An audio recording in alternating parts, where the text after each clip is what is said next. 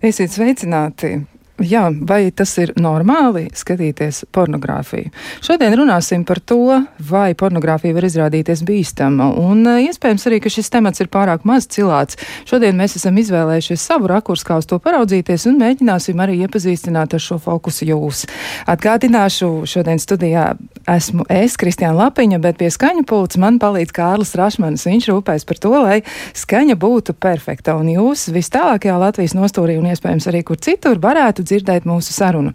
Un, uh, Kā vienmēr atgādināšu arī to, ka jūs varat piedalīties raidījuma veidošanā un raidījuma satura attīstīšanā, un jūs to varat darīt arī tā, ka jūs eh, sūtat kādu savu ziņu, ideju vai atziņu uz raidījuma e-pasta adresi, vai tas ir normāli at Latvijas radio.lv, un noteikti arī varat dalīties ar savām idejām, atziņām vai domām, vai varbūt jautājumiem, vai arī kādu piemēru varat minēt no dzīves, ja tas ir iederīgs raidījuma saturā, kā jums pašiem šķiet, un uh, gribat ar to dalīties, tad noteikti varat izmantot arī raidījuma aktīvo ziņojumu logu, ko jūs varat atrast Latvijas radio Radio 1 mājaslapā. Ja? Tā tad ļoti vienkārši atrodiet Latvijas Radio 1 raidījumu pēc nosaukuma, vai tas ir normāli, un tad aiziet, un mēs uzreiz arī jūsu informāciju saņemsim.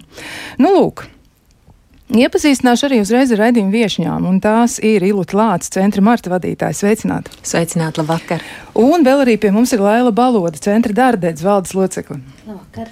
Paldies jums, ka jūs atradāt laiku tik vēlā vakarā būt šeit. Un, uh, es domāju, ka saruna būs uh, nu, pietiekami saistoša. Vismaz man šis temats liekas ļoti, ļoti būtisks, un es esmu par to ļoti daudz domājusi. Un man liekas, ka arī manas viešņas ir ļoti daudz galvu lauzījušas par šiem tematiem, un arī īpaši runājot par pornogrāfiju. Mm, raidījuma nosaukumu mēs arī izvēlējāmies nu, tā ļoti, ļoti tieši pornogrāfija, kā nekļūt par tās upuri, ne tiešām ne pārnestā nozīmē.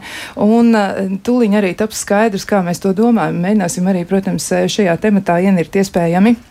Tālāk, lai saprastu, nu, cik liels apdraudējums vispār ar to varētu būt saistīts. Mēs arī klausītājiem uzdevām dažus jautājumus, bet par tiem mēs parunāsim mazliet vēlāk. Taču es gribētu sākt ar ko tādu, ko ir pateikuši kādi citi cilvēki. Un, proti, es sākšu ar profesoru Jenniferu Džonsons izteikumu, kura ir viens no speciālistiem, kas ir ļoti daudz pētījis šīs lietas. Un, Viņa ir ļoti precīzi definējusi to, kāpēc uh, nu, ar pornogrāfiju varētu būt saistīts kādas problēmas. Un, piemēram, viņas izteikums par internetu pornogrāfiju. Tātad internetu pornogrāfijas astronomiskais pieaugums pēdējā desmitgadē rada neskaitāmas ietekmes uz veselību. Un es atgādināšu arī, ka šīs raidījums ir tieši par psihisko veselību, par mūsu dzīves kvalitāti kopumā un arī par to mūsu psihoemocionālo stabilitāti. Un, lūk, viņa saka, ka mm, ietekme ir un uh, Pirmkārt un galvenokārt eh, ir izaicinājumi to vīriešu un sieviešu veselībai un drošībai, kuri ražo pornogrāfiju. Seksuāli transmisīvās slimības, alkohola narkotiku lietošana un vardarbība šajā nozarē ir diezgan izplatīta parādība. Tam vajadzētu radīt arvien lielākas bažas, eh, jo tas ir kļuvis tiešām par ārkārtīgi problemātisku aspektu. Un vēl viena lieta ir arī tā, ka pornogrāfija ir galvenais kultūras instruments dažādu ideoloģiju reproducēšanai, proti tas ir kaut kas par vardarbību. Un te nāk nākamā lieta, par ko es gribētu teikt, un tas arī eh, piesaistās šim te tematam. Proti, 2020. gadā, tajā brīdī pasaulē lielākā porno vietne, nu, varbūt es nesaukšu vārdā šo porno vietni, es domāju, ka e, tie cilvēki, kas e, ir e, to lietojuši, noteikti zina. Tātad 2020. gadā šī porno vietne atbrīvojās no 80% sava satura. Tā iemesla dēļ, ka nevarēja likumsargājošajām iestādēm pierādīt, ka attiecīgie cilvēki, kur bija redzami materiālos, būtu pilngadīgi vai piedalītos tur pēc savas brīvas gribas. Un e, šo te visu e, pētniecību, ja, kas noved arī pie šāda satura analīzes un arī satura izņemšanas, saņemšanas. To ierosināja gan Tiesības sargājušās iestādes, gan arī dažādas maksājuma veikšanas kompānijas, jo tur bija Mastercard, tur bija visa un, un arī vēl nu, citas lietas. Un Vēl kas ir sakāms, kopš pornogrāfija ir īpaši agresīva satura, ir kļuvusi pieejama jauniem un arī ļoti jauniem cilvēkiem, un to saka arī profesors Johnson, to saka ļoti daudz citi pētnieki, mm, ar kur pētījumiem ir iepazīstinājušas gan savus kolēģus, gan arī citus cilvēkus, manas studijas viesņus, un arī es esmu mēģinājis šos pētījumus apkopot. Tad, lūk, kopš tā ir, um, nu, pornogrāfija ir pieejama ļoti jauniem cilvēkiem, arvien vairāk ir parādījušies ziņojumi par šādu materiālu negatīvo ietekmu uz cilvēku uzvedību.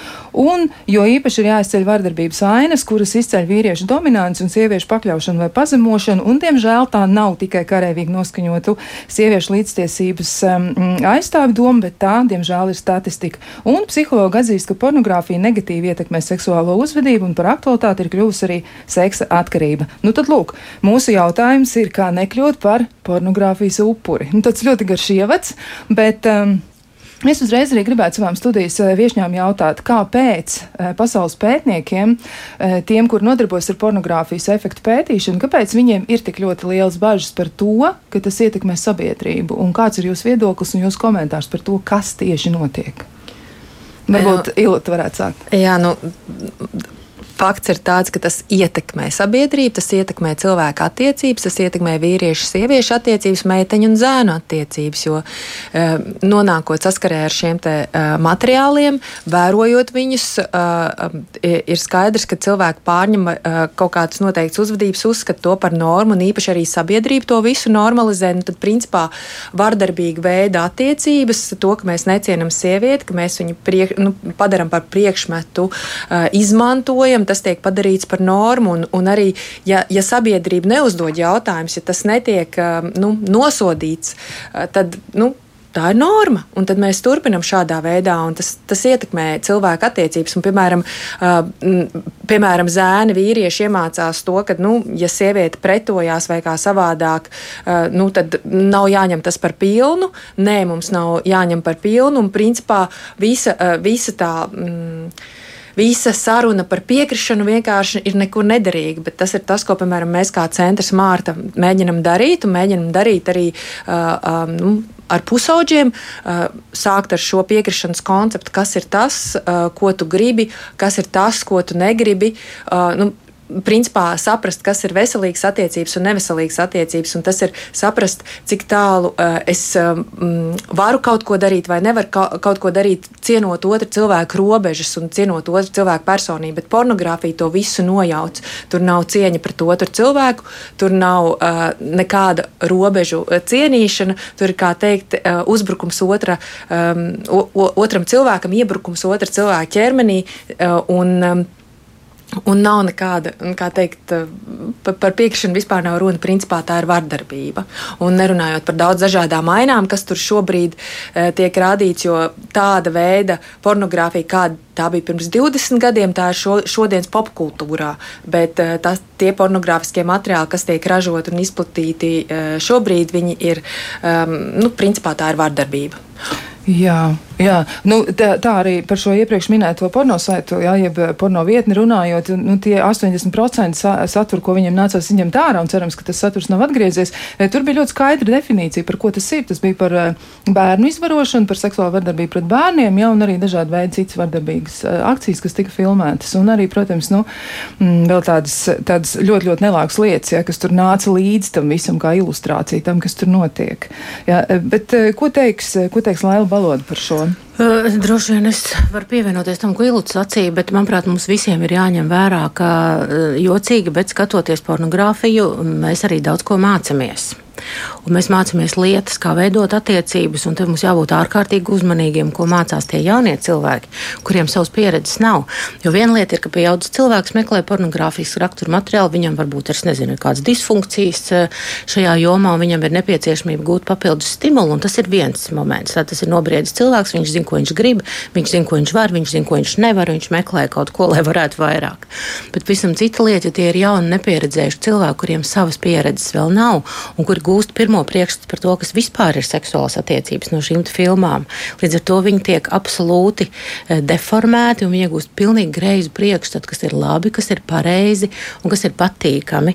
Eh, jo laikam tas, eh, kas, kas man ir palicis prātā, un mums arī Dardzē nesen bija konference, kurā piedalījās lektori no Austrālijas, kur bija intervējusi gan jauniešus, kas bija skatījušies šo pornogrāfiju, um, gan puikas, gan meitenes. Un kas bija interesanti, ka e, tātad jaunieši agrīnā vecumā, skatoties pornogrāfiju, pēc tam uzsākot attiecības, veids tādas darbības cits ar citu, ko izrādās neviena, ne otra puse neakceptēja un nejūtās laimīgi tajās e, darbībās, bet viņiem abiem likās, ka tā ir jādara. Ja? Mm. Viņiem bija šis uzstādījums, kas bija ielikts no, no filmu skatīšanās, eh, kur nu, dabiskā veidā droši vien vajadzētu, ka attiecības izaug divu cilvēku starpā, un arī eksperimenti, kas tur notiek, un mēs viņus nenosodīsim. Tie var būt dažādi, bet eh, šajā gadījumā tas notiek tādā patiešām vardarbīgā veidā, kur tev tiek uzlikts kaut kāds līmenis, un kāds no ārpus pasaka, ka tā vienkārši ir jādara.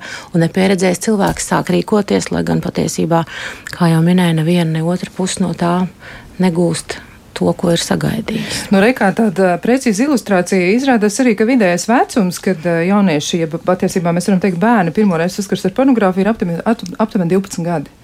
Jā, tas ir ļoti, ļoti jauns cilvēks. Ļoti jauns cilvēks, un Martas pieredzē ir 12, 13 gadīgu meiteņu stāsti, kur viņas ir bijušas spiestas un iesaistītas pornogrāfisku materiālu izveidē. Tas arī ir nu, fakts. Ne tikai šie cilvēki skatās, bet arī noziedzīgie tīkli izmanto šī, šos jaunos cilvēkus arī šo materiālu izveidē un pēc tam, kā teikt, pārdošanā, kas jau, protams, klasificējās kā cilvēku tirniecība. Jā, starp citu, runājot par šo cilvēku tirzniecību, tā arī ir tāda papildus sadaļa, par ko uh, droši vien ir vērts uh, domāt, jo nu, patiesi tur ir. Um, ārkārtīgi daudz dažādu lietu. Un, eh, nu, arī šeit droši vien cilvēkiem ir jābūt pietiekami uzmanīgiem, jo arī tas varētu būt viens no eh, veidiem, tātad piedāvāšana, filmēties pornogrāfiskā materiālā, bet patiesībā tas beigās izvēršas par eh, diezgan lielu problēmu, vai arī gal galā tas noved pie traģiskām sekām. Varbūt arī par šo. Jā, es varu vienkārši, nu tā pieredze, tad, tad tas, tas stāsts ir tāds, ja, ja tiek ražots pornogrāfiskais materiāls un viņš ir, nu kā teikt, tas, viņš nekur tālāk netiek uh, izmantots un par to netiek gūta peļņa, tad tā nav, nu, tā ir vārdarbība. Mm, bet ja ir, ja tālāk tu to materiālu pārdod, izplati uh, un gūsti peļņu, tad tas nozīmē, ka tu jau esi uh, nu, iedzīvojies uz šo cilvēku seksuālās eksploatēšanas, un tā jau ir cilvēku tirniecība. Bet cik bieži ir šie stāsti par to? Nu, es pieņemu, ka viņi ir ļoti, ļoti daudz. Mēs visus noteikti neuzzinām, jo cilvēki ārkārtīgi kautrēs par to stāstīt, un tas ir ļoti, ļoti traumatiski noteikti par to runāt. Mm, bet tāda pieredze noteikti ir, piemēram, arī par šiem privātajiem seksa video, kas tiek nopludināti. Jā, arī tā ir vardarbības forma. Jā, nu, tas, ko mēs šobrīd arī redzam, centrā Mārta, arī pieaugušās sievietes, kas vēršās centrā Mārta, bieži vien um, brīdī, nebrīdī, kad viņas nevēlas, lai, piemēram, šie dzimuma akti tiktu filmēti, viņas tiek nofilmētas un tālāk tas tiek izmantots arī kā tāds draudu avots, vajāšanas avots, un, un, un šī informācija var tikt nopludināta, un tādā veidā nu, tas cilvēks tiek pazemots, kur nu vēl, ja tas tiek izmantots vēl pārdošanai, un tad, jau, protams, tā jau ir cilvēku tirzniecība. Jā, man arī e, šeit gribētu citēt e, profesoru Džonsonu. Viņa tiešām ir ļoti, ļoti spējīgs cilvēks, manuprāt, arī aprakstot e, to, ko tas kas nozīmē. Un viņas vārdi ir tādi, ka pornogrāfija ir globāla ekonomikas nozare, kas ražo produktu, kas ietekmē cilvēku veselību un sociālo labklājību. Un te ir tā, ka tur ir globāla piegādes ķēde, ražošanas un patēriņa process, kā viņi to nosauc, un tie ietver globālu piegādes ķēdi, kas ietver saikni ar cilvēku tirzniecību, bērnu pornogrāfiju, prostitūciju, narkotikām un citiem globālās vardarbības veidiem. Un tas ekonomiski baro galvenos uzņēmumus, tostarp liels viesnīcu ķēdes, kabeļu televīzijas uzņēmumus, lielākos tehnoloģiju uzņēmumus, arī mēdī ražošanas uzņēmumus un pat Wall Streetu. Un uh, viņas atzinums ir tāds, ka pornogrāfija ir vairāk nekā personīga izvēle, kas ir saistīta ar runu izteiksmi bez seksualitāti. Tā ir globāla nozara, kas tirgojas ar vīriešu, sieviešu un bērnu ķermeņiem, lai gūtu peļņu. Tā ir plašāka seksuālās izmantošanas tīkla publiskā seja, kas apzināti vervē no auģu ģimenēm, patversmēm, kas apkalpo dažādas izmisušos iedzīvotājus un citādi meklē nabadzīgos cilvēkus no visas pasaules, lai piebarotu ķēdi, mm, papildināt šo piegādes ķēdi ar pastāvīga vajadzība pēc jauniem ķermeņiem, ņemot vērā mm, nu, to, kā šis pieprasījums pieaug un arī, protams, tiek izmantot dažāda veida manipulēšana. Tad kas būtu jāņem vērā varbūt mums kā sabiedrībai, varbūt arī tiem cilvēkiem, kas nu, par to domā? Par ko vajadzētu apdomāties pirms kaut kam mēs piekrītam, vai arī pirms mēs kaut ko atbalstām. Jo mēs negribam, protams, būt arī tikai tajā vienā pozīcijā un teikt, ka absolūti jebkas, kas ir, piemēram, šis kails ķermenis, kas ir kaut kur parādījies, es nezinu, uz kādas mm, mākslas eh, grāmatas vāka, jā, vai arī kādā afišā. Es atceros, pirms ļoti daudziem gadiem bija tiešām ļoti plaša sabiedrības diskusija par vienu no plakātiem, kas, manuprāt, eh, reklamēja izrādi. Jā, un tā diskusija izvērsās ļoti, ļoti nopietni. Nu, un tur arī bija daudz dažādu viedokļu, un viena teica, ka tā ir pornogrāfija, un citi teica, ka tā ir māksla. Bet tomēr. Ka, par ko mums būtu jādomā kā sabiedrībai, lai mēs nekļūtu par upuriem pornogrāfijai? Manuprāt, pirms mums ir jāapzinās eh, un pašiem jāsaprot definīcijas, kur ir erotika, kur ir eh, pornogrāfija un kur gala beigās ir māksla. Un, manuprāt, tas ir mūžīgs jautājums, par ko mēs varam diskutēt. Jo, protams, mēs varam kļūt puritāniski un aizbraukt nezinu, uz, uz, uz, uz kādu no Eiropas galvaspilsētām un tur apģērbt pilnīgi visus plikos puisīšus, sievietes un Lomu, vīriešu kāds pārstāvis. Jā. jā, tieši tā. Un, bet atkal no otras puses, protams, nevajadzētu kļūt tik ārkārtīgi brīviem, ka, ka mēs eh, nu, patiešām tirgojam ķermeņus un ar to iegūstam naudu. Un tāpēc mums ir, manuprāt, jāsaprot tās riska grupas, tās iedzīvotāju riska grupas, kuras vairāk tam ir pakļautas. Un, un, un pētījuma autori ļoti skaisti, manuprāt, norāda visus tos cilvēkus, kuriem ir īstenībā piesaistes problēmas, kuriem cilvēkiem pietrūkst skaidru ģimenes attiecību, kuri ir emocionāli nestabilā brīdī savā dzīvē, nezinu, vai nu viņiem ir kāda depresija vai kāds nozīmīgs zaudējums. Un šiem cilvēkiem būtu nu, jāpiedāvā attiecīga informācija un zināšanas par to. Jo ir, eh, nu, tā teikt, noteikta gan eh, cilvēku kategorijas, gan viņiem zinām dzīves brīži, eh, ka šie cilvēki kļūst ļoti viegli pakļaujami. Eh, tātad jebkāda veida nu, seksuālām lietām un, un līdz ar to arī cilvēku tirzniecībai. Tāpēc nu, ir tikai godīgi vai būtu tikai godīgi viņus saulēcīgi par to informēt. Jo tam es pilnīgi piekrītu. Tā tiešām ir milzīga industrija, un, un patiesībā mēs iespējams zinām par to nu, ļoti maz. Jā, bet mēs, mēs nojaušam. Kaut vai, nu, kaut vai situāciju atkal no, no darbības pieredzes, ka, piemēram, bērni spēlē video spēli, un šajā spēlē ir čats, e, nu, tīkla spēles tās, kas tur ir čats, un, un lai tur piepirkt klāt kaut kādus tur, e, tur lietas, ir nepieciešama naudiņa, un tad tev šīs te naudiņas nav, tad tev piedāvā šajā čatā citi, it kā jaunieši, bet mēs nekad nezinām, kas ir otrā pusē, ka tu vari dabūt e, šo te papildus informāciju, piemēram, nosūtot savu kailbildi. Un tad dabū ļoti maz bonus bonusiņu, bet ja tu jau konkrēts darbības veids šajā bildē, e, tad tu dabūni lielāku bonusiņu. Ja tu aizsūti video jau ar konkrētu uzdevumu izpildīšanu, tad tu saņem pavisam lielu bonusu.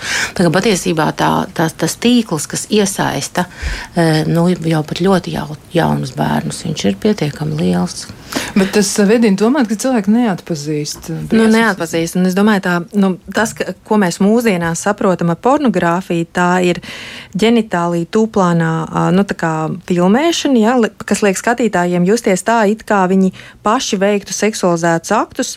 Un šajā pornogrāfijas žanrā gluži ierasta ir fiziska un uh, verbāla uh, vardarbība, nerunājot, ka seksuālā vardarbība pat par sevi. Un, un principā uh, tas, kā mēs to saredzam, arī uh, uh, nu, Centrs Mārta un, un citi speciālisti, kas strādā ar prostitūcijas un pornogrāfijas, pornogrāfijas cietušajām personām, ka tā ir uh, vardarbība. Un šajā gadījumā pornogrāfija ir vienkārši filmēta prostitūcija. Tu tu plānā visu šīs darbības filmē, un, jo uh, ir runa par to, vai nu, šīs darbības notiek ar piekrišanu vai netiek, nenotiek ar pie, piekrišanu. Lielākoties ar tiem cilvēkiem, ar kuriem tiek strādāts un runāts, un, un, un arī pētījumi, kas pasaulē ir bijuši, tur nav runa par piekrišanu.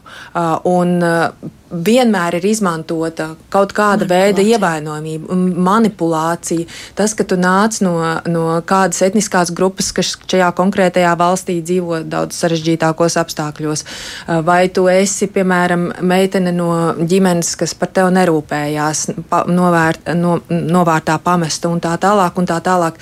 Tā kā te nevar runāt vispār nu, par tādu piekrišanu pēc būtības. Tas ir mīts, tas ir vienkārši mīts, ka tā ir kaut kāda veida piekrišana, kas notiek pornogrāfijā. Nu, reāli tas arī, ko es minēju, bieži vien arī vīri, kas nofilmē savas sievas un tā tālāk to izmanto kā, kā draudu materiālu, nu, tur nav nekāda piekrišana bijusi. Ja? Nu, kā... Tas ir manipulācijas, jā, tas ir manipulācijas, ko viens cilvēks veic ar citu. Un atkal no, runāt par šiem maziem un nepilngadīgiem bērniem, skats, viņiem pieredze ir ārkārtīgi maz. Bet te atkal nu, tā sistēma ļoti veikli viņus tajā iesaista, jo viņi faktiski to izdara paši, tie bērni. Viņi jau nav, neviens viņus nekur nav vēdis, neviens nekur viņus nav filmējis, neviens nav uzlicis kameru. Šobrīd katrs bērns patiesībā, kuram ir vieta tālrunis, to var izdarīt pats. Tie ir jābūt tikai ļoti labai sistēmai, kas viņu līdz tam punktam aizved, ja, kas ar viņu nomanipulē. Un te ir runa par to, kas ir norma mūsu sabiedrībā, un vai mēs normalizējam šādu veidu lietas, vai mēs nenormalizējam šādu veidu lietas. Un, uh, ja mums ir publiskā telpa uh, pilna ar, ar, ar, ar, um, ar bildēm, kas kā, objektificē ķermeņus. Ja mēs joprojām mums ir reklāmas, kur mēs pieliekam klāt kādas sievietes ķermeņa daļas, tur es nezinu, krūtis, dibenu vai kā savādāk. Ja mēs nu, kā, seksualizējam nu, to kā, priekšmetojam šo, šo cilvēku, tad līdz ar to arī eh, nu, tas rada ietekmi, un tas rada ietekmi arī uz tiem cilvēkiem, kas to skatās. Un, un ja tas ir normāli, tad arī eh, tas liekas normāli, ka es pašobjektificējos, kad es kā meitene bieži vien arī pašobjektificējos. Es pati jau sevi šādā veidā sāku uztvert, un jo tas ir normāli, tāpēc, ka tas sabiedrībā tiek uztverts kā norma. Un, jā, un tad jā, ir vienkārši to visu pārdzīvot. Tas, kas ir jāizdara, ir jāspēj disociēties. Un atkal disociācijas, un tas patiesībā tas ir nu, gan psihiskās aizsardzības mehānisms, gan ilgstoši to darot patiesībā. Cilvēks var iedzīvoties arī psihiatriskās lietās. Un te mēs ļoti labi varam nu, ieraudzīt to saistību starp to, ka es tikai skatos vai es tikai daru, un to, ka konkrēti notiek jau nozīmīgas izmaiņas ar manu psihi, ar manu emocionālo stāvokli. Jo faktiski jau atkal domājot par tām aktrisēm reizēm kaut vai porno. Nu, nu, cik tad uh, cilvēks var reizes dienā veikt dzimumu aktu, piedzīvojot uh, nu, tās vispozitīvākās izjūtas? Tas jau nav iespējams. To var izdarīt tikai tad, ja tu noskrūvē nu, tā teikt galvu, tad tu disociējies. Ja? Tad, Tavs ķermenis jā, dara kaut ko vienu, mm. bet, bet ar savām emocijām un domām tu esi kaut kur citur. Tad tu esi spiests atdalīt savas tās reālās darbības, kas tev notiek šeit un tagad no tām izjūtām, kas notiek tavā galvā. Nu, un, nu, un tas tā, ir traks sākums vienkārši pēc tam psihiatrijā psihiatriskām izmaiņām un slimībām. Nu jā, tieši tā, jo nu, tas atslēgvārds piekrišana nenotiek. Un, uh, lai būtu kvalitīvas, veselīgas attiecības, ir jābūt entuziastiskai piekrišanai attiecībā uz noteiktām seksuālām darbībām.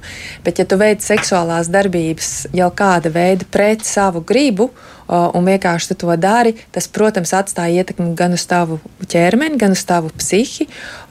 Ir šī disasociācija, bet arī pētījumi liecina, ka personas, kas ir bijušas iesaistītas prostitūcijā, viņas ātri zaudē smaržu, kas mm -hmm. ir mhm. viens no mm -hmm. būtiskajiem arī faktoriem, lai būtu veselīgs un, un, un sirsnīgs un entuziastisks, kā teikt, seksuālās attiecības.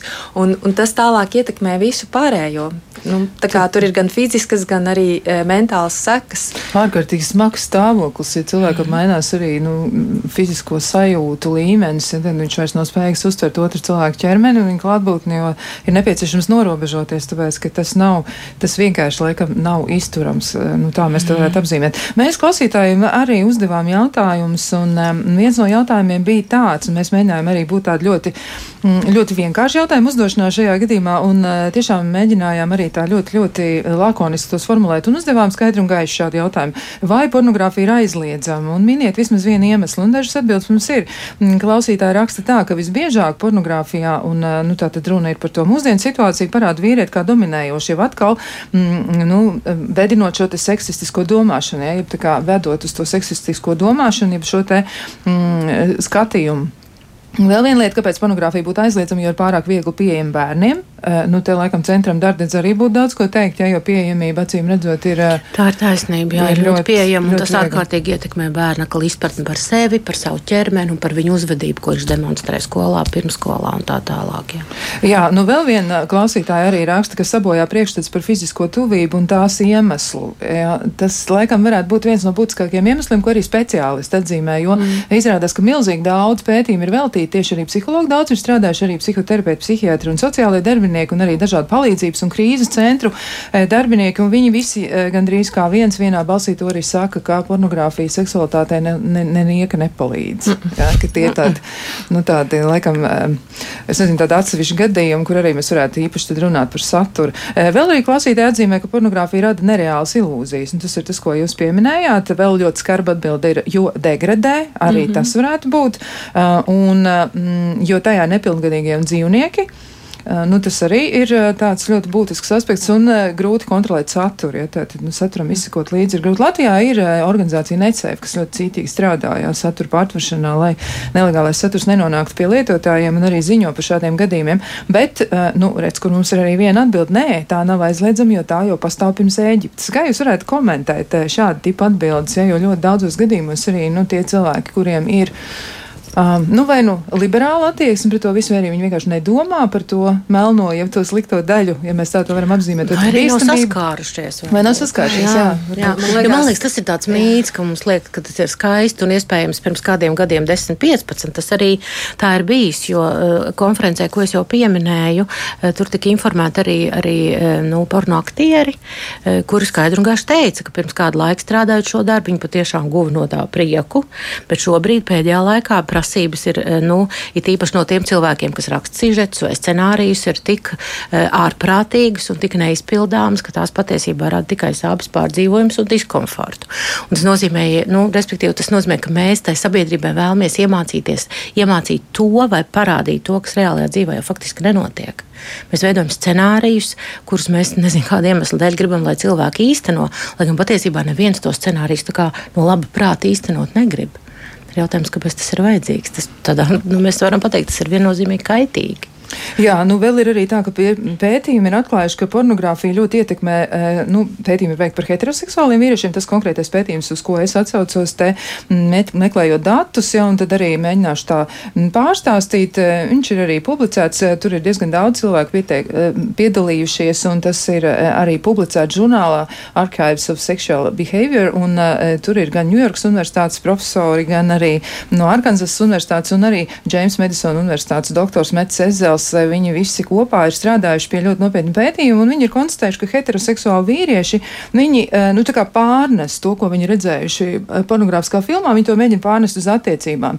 Un ir tā, ka Viņi ir pētījuši koledžas eh, studentus, tātad šos jaunos vīriešus, kas ir bijuši pieejami viņu pētījumam, un eh, viņi ir konstatējuši, ka 51% eh, ir masturbējis pornogrāfiju ar pornogrāfijas starpniecību, tā kā jau izmantojot šos materiālus vairākas reizes nedēļā, 19% to ir izmantojuši vairākas reizes mēnesī, bet 13,5% to ir izmantojuši katru dienu. Ja? Nu, tur vēl kaut kādi daži procenti paliek pāri, ja? tad, nu, kuriem ir vēl kaut kādi citi ieradumi, bet kāds ir secinājums, ka vīrieši, kuri ir skatījušies vairāk pornogrāfija apzināti uzbūra šos pornogrāfiskos attēlus savā apziņā, jeb atmiņās, ja, jeb tādās fantāzijās, lai saglabātu uzbudinājumu seksa laikā. Un viņi deva priekšroku pornogrāfijai nevis reālai seksuālai saskarsmē. Nu, tas vedina domāt, ka tomēr seksualitāte arī tiek ļoti būtiski ietekmēta ar pornogrāfijas starpniecību. Jā, nu, ir pētījumi, kas uh, liecina, ka pēc tam saskatoties šādu veidu materiālus ir problēmas reālajā dzīvē ar, ar seksuālajām attiecībām, un arī uh, vēl ir pētījumi, kas liecina, ka palielinās šo šo pornogrāfisko materiālu lietotāju um,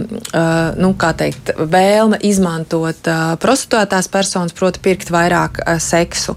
Un, savukārt, tie pētījumi, kas ir par seksa pircējiem, uh, uh, ir nu, skaidri un gaiši parāda, ka šie cilvēki nu, nekādā veidā neciena uh, sievietes un mm, viņi skatās uz sievietēm tikai uz, kā, kā uz savu vajadzību ap, mm, apmierinātājām un arī um, principā runājot par to, kas ir augsts apdraudējums eh, cilvēku dzīvībai un šajā gadījumā sievietes dzīvībai, tad, ja parādās kaut kāda veida pieprasījumi pēc seksuāla rakstura darbībām pret otru cilvēku gribu, eh, tad tas ir viens no rādītājiem, ka eh, sievietes dzīvība ir briesmās. Tas nozīmē, ka visa šī, nu, kā teikt, ja mēs veidojam uh, cilvēkus, kuru uzskatu sistēmas ir tādas, ka sievietei nav vērtība, ka viņa ir tikai vēlmju apmierināšanai uh, un tā tālāk, tad tas ir, nu, kā teikt, mēs atbalstam un atkal virzam un normalizējam vardarbību. Jā, par vardarbības normalizēšanu, par šīm lietām, eh, kas ar to ir saistīts, un tur arī ļoti, ļoti daudz nopietnu problēmu, ko ir vērts pārunāt. Par to visu mēs runāsim, bet to mēs darīsim pēc ļoti īsa brīža.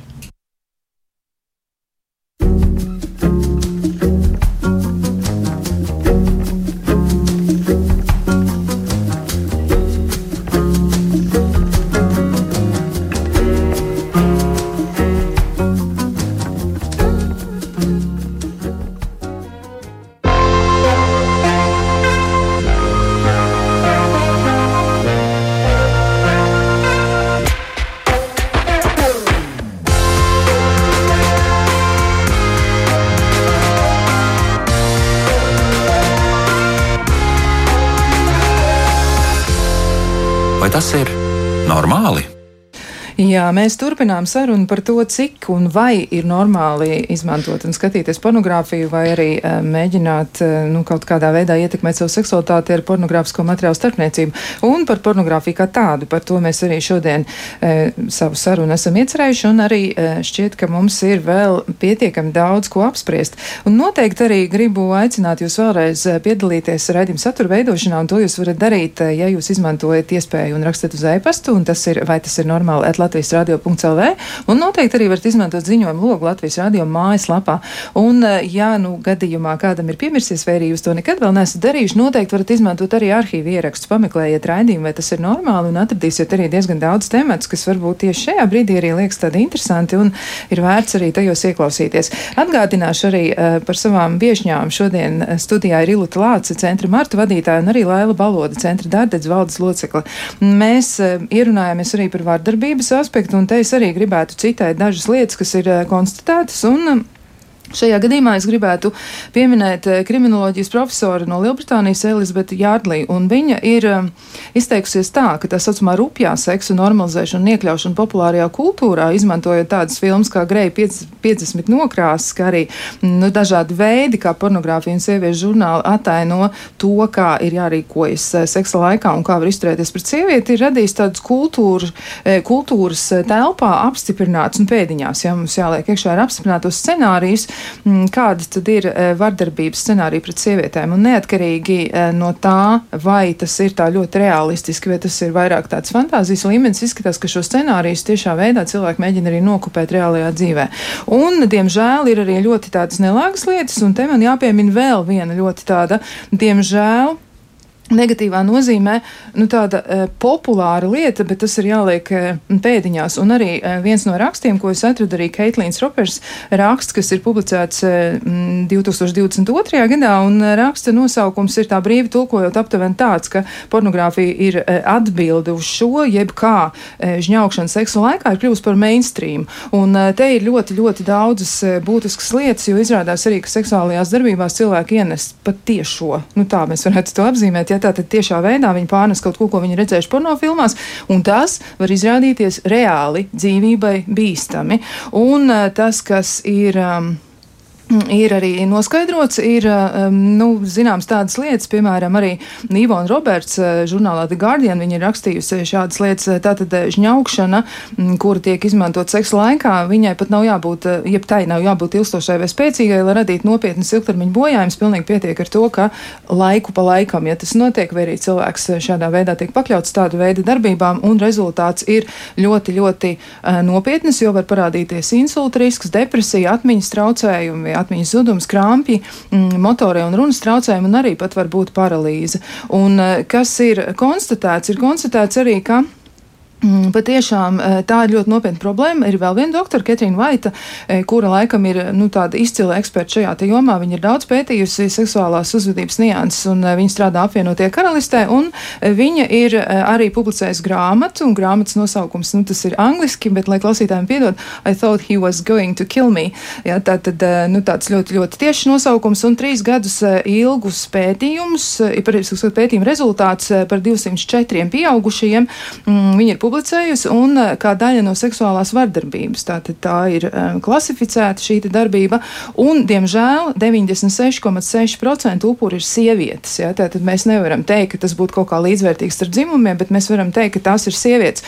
Un 27% gadījumu sieviete jau iepriekš bija žņaudzis viens un tas pats vīrietis, viens un tas pats partners, ir varmāka, un um, vairāk, patiesībā pat procentuāli sanāca vairāk, bet nu, vismaz katra sestā sieviete bija žņaugta līdz brīdim, kamēr viņa bija zaudējusi samaņu. Tad, lūk, Lūk, kādi būtu jūsu komentāri par šo? Jo tas ir tieši, ja tā ir pornogrāfija, tad pornogrāfisks uh, darbības attainojums, tad seksuāla darbība ir dzimuma akts, ir seksuāls uh, darbības un Tieši tātad tas tiek pārnests reālajā dzīvē, un pēc visas spriežot arī, kā saka pētnieki, ka tā ir kopēta uzvedība. Ja, tātad tie jaunie cilvēki to ir redzējuši, un viņiem šķiet, ka tas ir tagad jādara arī dzīvē.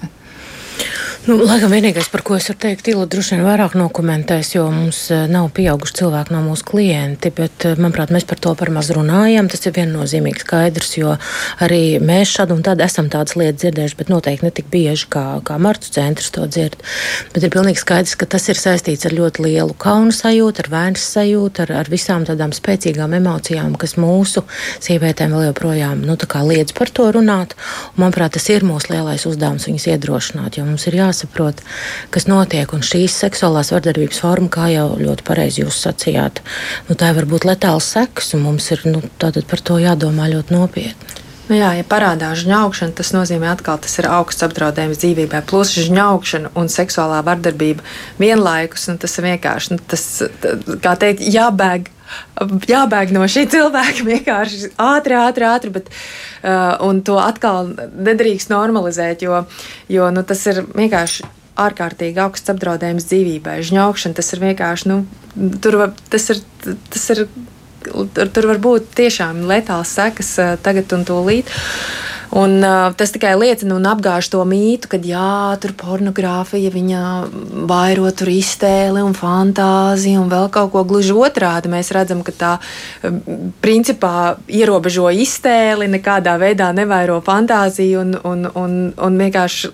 cilvēkiem, cilvēki šajā gadījumā vīrieši vienkārši ņem un pārkopē. Un to mēs zinām un redzam ne tikai Latvijas kultūrā, bet arī strādājot ar citu kultūru pārstāvjiem. Mēs tiešām arī dzirdam šos stāstus, kā vīrieši, kas ir saskatījušies pornogrāfisku, materiālu, pornogrāfisku raksturu materiālus, liek savām sievām veikt visu, ko viņi redzējuši, kas ir attiecīgi vardarbības akts pēc vardarbības akta. Un, un tas nozīmē, ka sievietes dzīvo vienkārši pamatīgās bailēs, jo viņām tā tad ir augsts apdraudējums viņas dzīvībai. Viņa, šāda veida vardarbība sabiedrībā ir normalizēta, līdz ar to vērsties pēc palīdzības ir diezgan apgrūtinoši, un, un tā tas aplis um, aiziet. Un, un, kā teikt, pa, uh, patērējot pornogrāfiskā rakstura materiālus, vairojās vardarbība ikdienā, un, un, un tās sekas ir jūtamas. Jā, nu, interesanti arī tāds komentārs no pētniekiem ir, ka viens no iemesliem izrādās, kāpēc pornogrāfija tiek ignorēta bieži vien kā tāda seksuālās un arī psihiskās veselības problēma, ir interneta pornogrāfijas radītā atšķirība, ko nu, piedzīvo paaudzes. Ja, jo izrādās, ka vecāki cilvēki, kas ir gados vecāki, ja, tad viņiem ir tādas, nu, tādas asociācijas pīcis piegādātājs, ja, un tā seksīgā meitene mājās, ja tur tāda mājasaimniece ar īsāku kleitu, e, bet internets ir ļoti būtiski mainījis šo pornogrāfijas saturu un izskatās, izskatās arī, ka tie vieglākie mm, veidi, kā pornogrāfija arī tiek dota publikai, piegādāt publikai, tur tas eh, satur ļoti lielu daudzumu vardarbības, tur ir arī daudz mizogīnijas un sieviešu degradācijas, pazemošanas, un ir ļoti, ļoti īsi šie te klipi, ļoti īsi arī video, īsas darbības un koncentrējas uz dzimumu orgāniem. Tieši tā kā teica Ilta, mm. jā, ļoti precīzs raksturojums, un tie daudzie pieaugušie, kas ir iepriekšējo pauģu pārstāvi, viņi nav saskārušies ar šiem tā saucamajiem jaunajiem seksuālajiem skriptiem, ja kā, kā to mēdz arī uh, apzīmēt. Un, un uh, tomēr šie scenāriji ļoti, ļoti cieši iaužas jaunu cilvēku uh, galvās un arī veido to seksuālo identitāti. Un atgriežoties arī pie šī augšanas tematikas, ir arī tā, ka nu, viens no tādiem slavenākajiem gadījumiem, droši vien, ko pasaulē ir apsprieduši daudzi cilvēki, ir Sofijas Mosas gadījums, ja, kura ir jauna sieviete, kuru nožņauca seksa laikā. Un, uh, mm, savukārt eh, šīs te.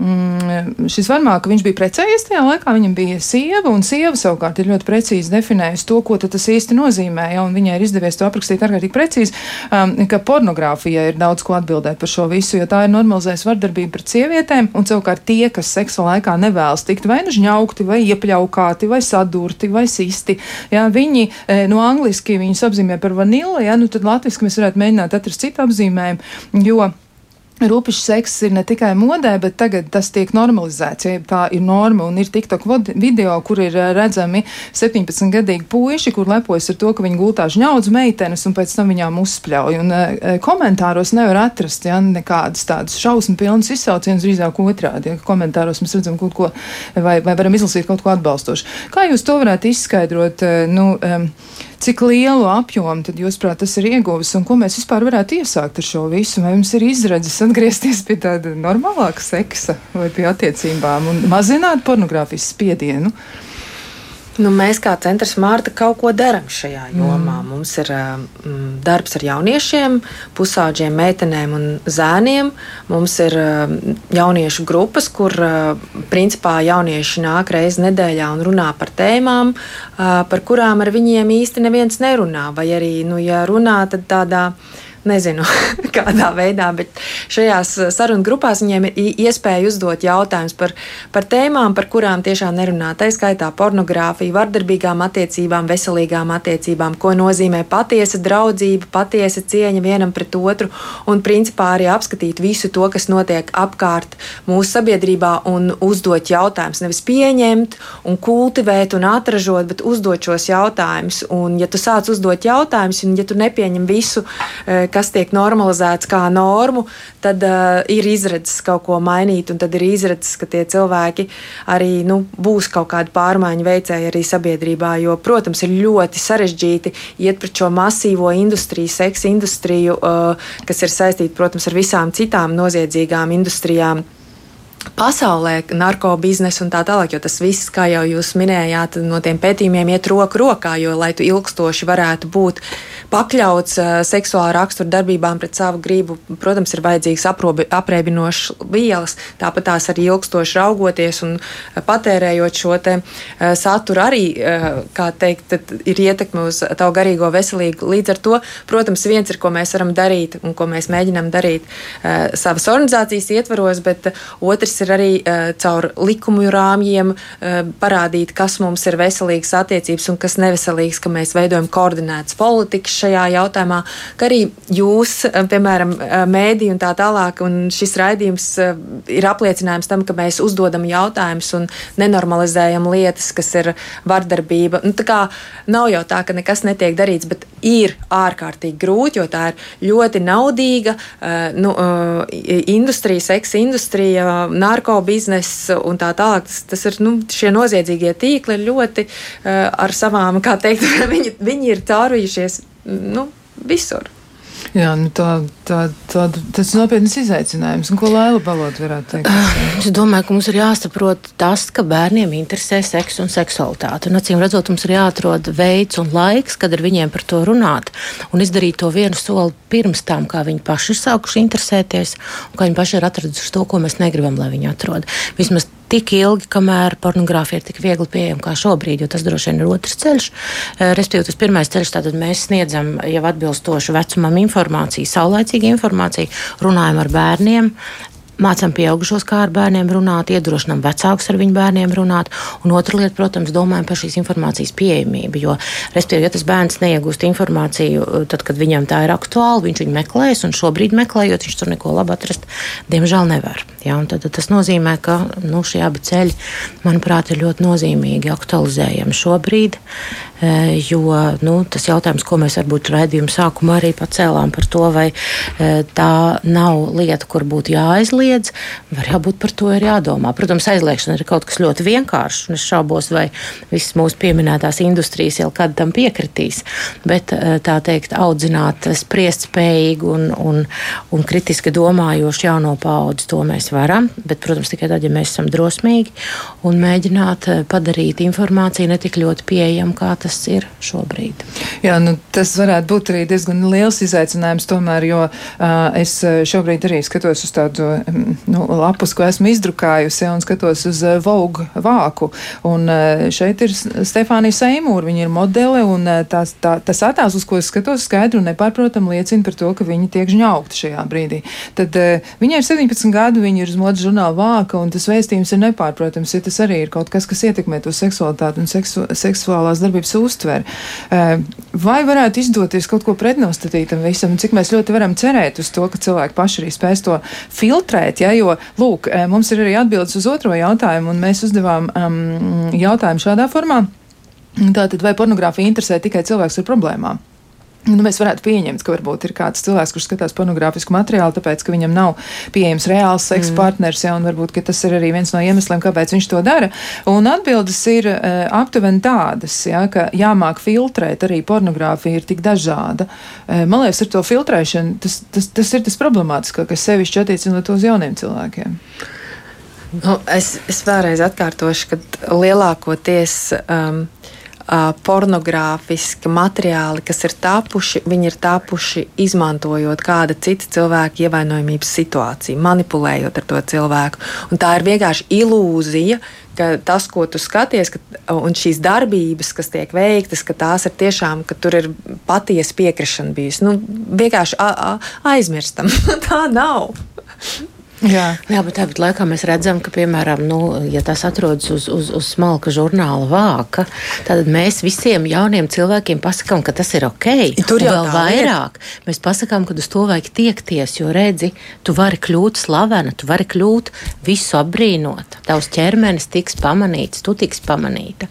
Un, un te, manuprāt, mums ir ļoti jādomā par, par visu to cilvēku ētiskajiem principiem, kur veido mārketingus, ja, mm. kuri, kuri pārdod lietas kāpēc mēs esam nonākuši tik tālu, ka pat košļainā gumija, es atceros, tur kaut kādu 5, 6 gadu atpakaļ, jā, tika, mm. tika reklamēta nu, caur, caur to, ka kaila meitene košļāja to košļaino gumiju. Ja tā liekas, nu, Dievs, nu tiešām, nu, cit, ku, ku, kurā, kurā tieši rakursā šīs lietas sajiet kopā, bet, bet ir pilnīgi skaidrs, ja kaut ko tu gribi pārdot, tad, ja tur būs kāda kaila ķermeņa daļa vai, vai kails cilvēks, tu vismaz uzmanību sabiedrības tas dabūs, un, un tev būs daudz lielākas iespējas to visu notirgot. Manuprāt, mums ir visos visos līmeņos par to jāsāk domāt. Jo savā ziņā arī mūsu ikdienā, skatoties uz reklāmas stabiem, tepat Rīgā, mm -hmm. arī šobrīd mēs tur ļoti daudz ko varam ieraudzīt, par ko mēs varbūt vēl pirms desmit gadiem būtu šausminājušies. Šobrīd mēs to esam jau kā normu pieņēmuši. Ja? Un tā kā varbūt nu, mums vajag jā. visiem apstāties un saprast, ko, nu, jo pornogrāfija ir tikai, manuprāt, viens no nu, vis tā, tā trakuma segmentiem, kurā mēs esam ieripojuši. Es piekrītu, un šajā ziņā es arī gribu teikt, ka mums Latvijā ir kaut kādi centieni, un ir dažādības hārta, ko paraksta uzņēmumi, ir um, sabiedrības integrācijas fondam programma Dažādībā ir spēks, kur arī nu, tie aspekti, kas tiek izvērtēti un uz kuriem raugās, ir arī nu, tavas tās reklāmas un mārketinga stratēģijas, ko tu izmanto, vai viņas nav diskriminējošas. Mm. Bet nu, es domāju, pa priekšu ir jāsaprot, kas ir diskriminācija, diskriminējoša un kas ir pornogrāfiska rakstura materiāls, kas ir erotiska rakstura materiāls un tā tālāk. Un tur visiem, kā teikt, ir jāveido šī izpratne, jo arī krimināla likumā mums ir 166. pants, eh, kas regulē pornogrāfisku priekšnesumu demonstrēšanas, intīmu raksturu izklaides ierobežošanas un pornogrāfisku raksturu materiālu aprits noteikumu pārkāpšanu. It kā jau jau ir, bet vai mums visiem ir zināšanas un saprašana par to, kas tas ir? Tad ir vajadzīga diskusija sabiedrībā no, jā. par to, ne tikai sabiedrībā, bet arī starp profesionāļiem. No, jā. jā, noteikti, mēs ceram arī, ka mēs būsim to diskusiju zināmā mērā ierosinājuši ar savu sarunu vai vismaz ļāvuši par to apdomāties, jo seksuālās uzvedības ietekmēšana ar pornogrāfiju, eh, nu, tas, ka tas notiek, tas ir nepārprotami, tas ir absolūti skaidrs un to apliecina ļoti daudz pētījumu, un eh, patiesi eh, Vogue jau nav vienīgie, mm. jā, nu, man ir arī otrs attēls, tas ir žurnāls Pop, un tur ir 17-gadīga Heilija Klausona, jā, tā tad viņai arī ir pavisam maz gadu, bet arī viņa šeit tiek piedāvāta, viņas attēls kā seksuāls objekts, viņa tiek atainot jau, un arī ir šī vardarbīgā uzvedība, kas ir, nu, pilnīgi un absolūti skaidri saprotam. Tad, Droši vien ir jāmeklē kaut kādi citi ceļi, kādā veidā tad mums tikt ar to galā, un pati lielākā problēma varētu būt tieši tā vardarbīgās un kaitējošās uzvedības atpazīšana, jo, ja partneris uzvedas nepieņemami, vai tas ir apgrūtinoši, vai tas ir eh, kaut kādā veidā draudoši, apdraudoši, tad droši vien būtu jāspēj to atpazīt. Jo vēl arī viens no daudziem pētījumiem, ja, ko es arī esmu mm, atradusi, un tas ir pētījums, kas ir veikts 2019. gadā, tas gan ir Amerikā, ja, tad eh, sievietes un meitenes ļoti bieži ziņo par spiedienu pakļauties vardarbīgiem un nevēlamiem dzimumu sakariem, un Indijānā bija um, arī tāda sabiedrības veselības veselības skola. Viņi bija mēģinājuši noskaidrot, kā ir mm, ar viņu pašu iedzīvotājiem, un atklāja viņi to, ka gandrīz ceturtā daļa sieviešu eh, nu, šajā viņa pētījumā, kas bija iekļauts, viņas ir jutušas bailes seksa laikā. Nu, tas nozīmē, ka ir vēl kāds aspekts, kas ir jāmēģina izpētīt. Tā tad ne tikai tā iemācītā seksuālā uzvedība, kas ir aplama, jā, un sevišķi mēs to varam teikt par eh, vīriešiem, bet arī droši vien vēl citas lietas mums ir jāekipē arī sievietes.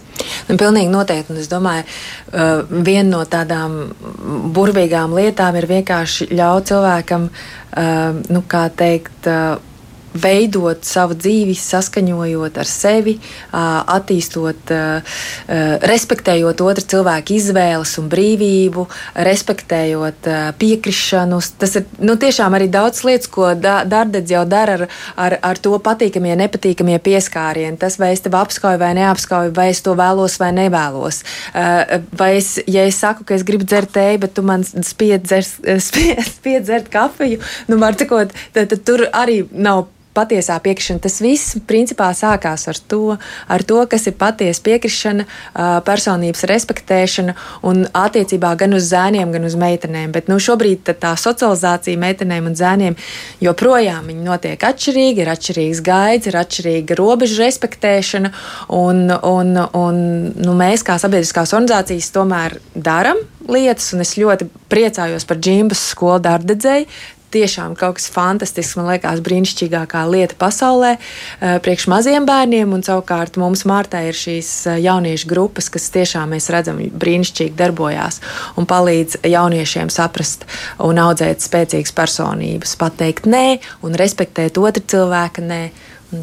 Jā, nu tā tad eh, tiešām es varētu teikt, ka saruna ir iesākta, un noteikti mēs šo sarunu arī turpināsim, jo šodien mēs gribējām tiešām, nu, varbūt pieskarties šim tematam un iezīmēt arī to, ka jā, pornogrāfija nav nevainīga lieta. Pornogrāfija varētu arī vedināt cilvēks uzvesties neadekvāti un arī iespējams rīkoties vardarbīgi un pat reizēm apdraudoši, un pornogrāfija patiesi var cilvēku padarīt par upuri. Tā kā tas nav tikai izteiciens, tā ir arī realitāte. Jā, paldies, milzīgs paldies gan, gan gan Iltai Lācei, gan arī Lailai Balodai.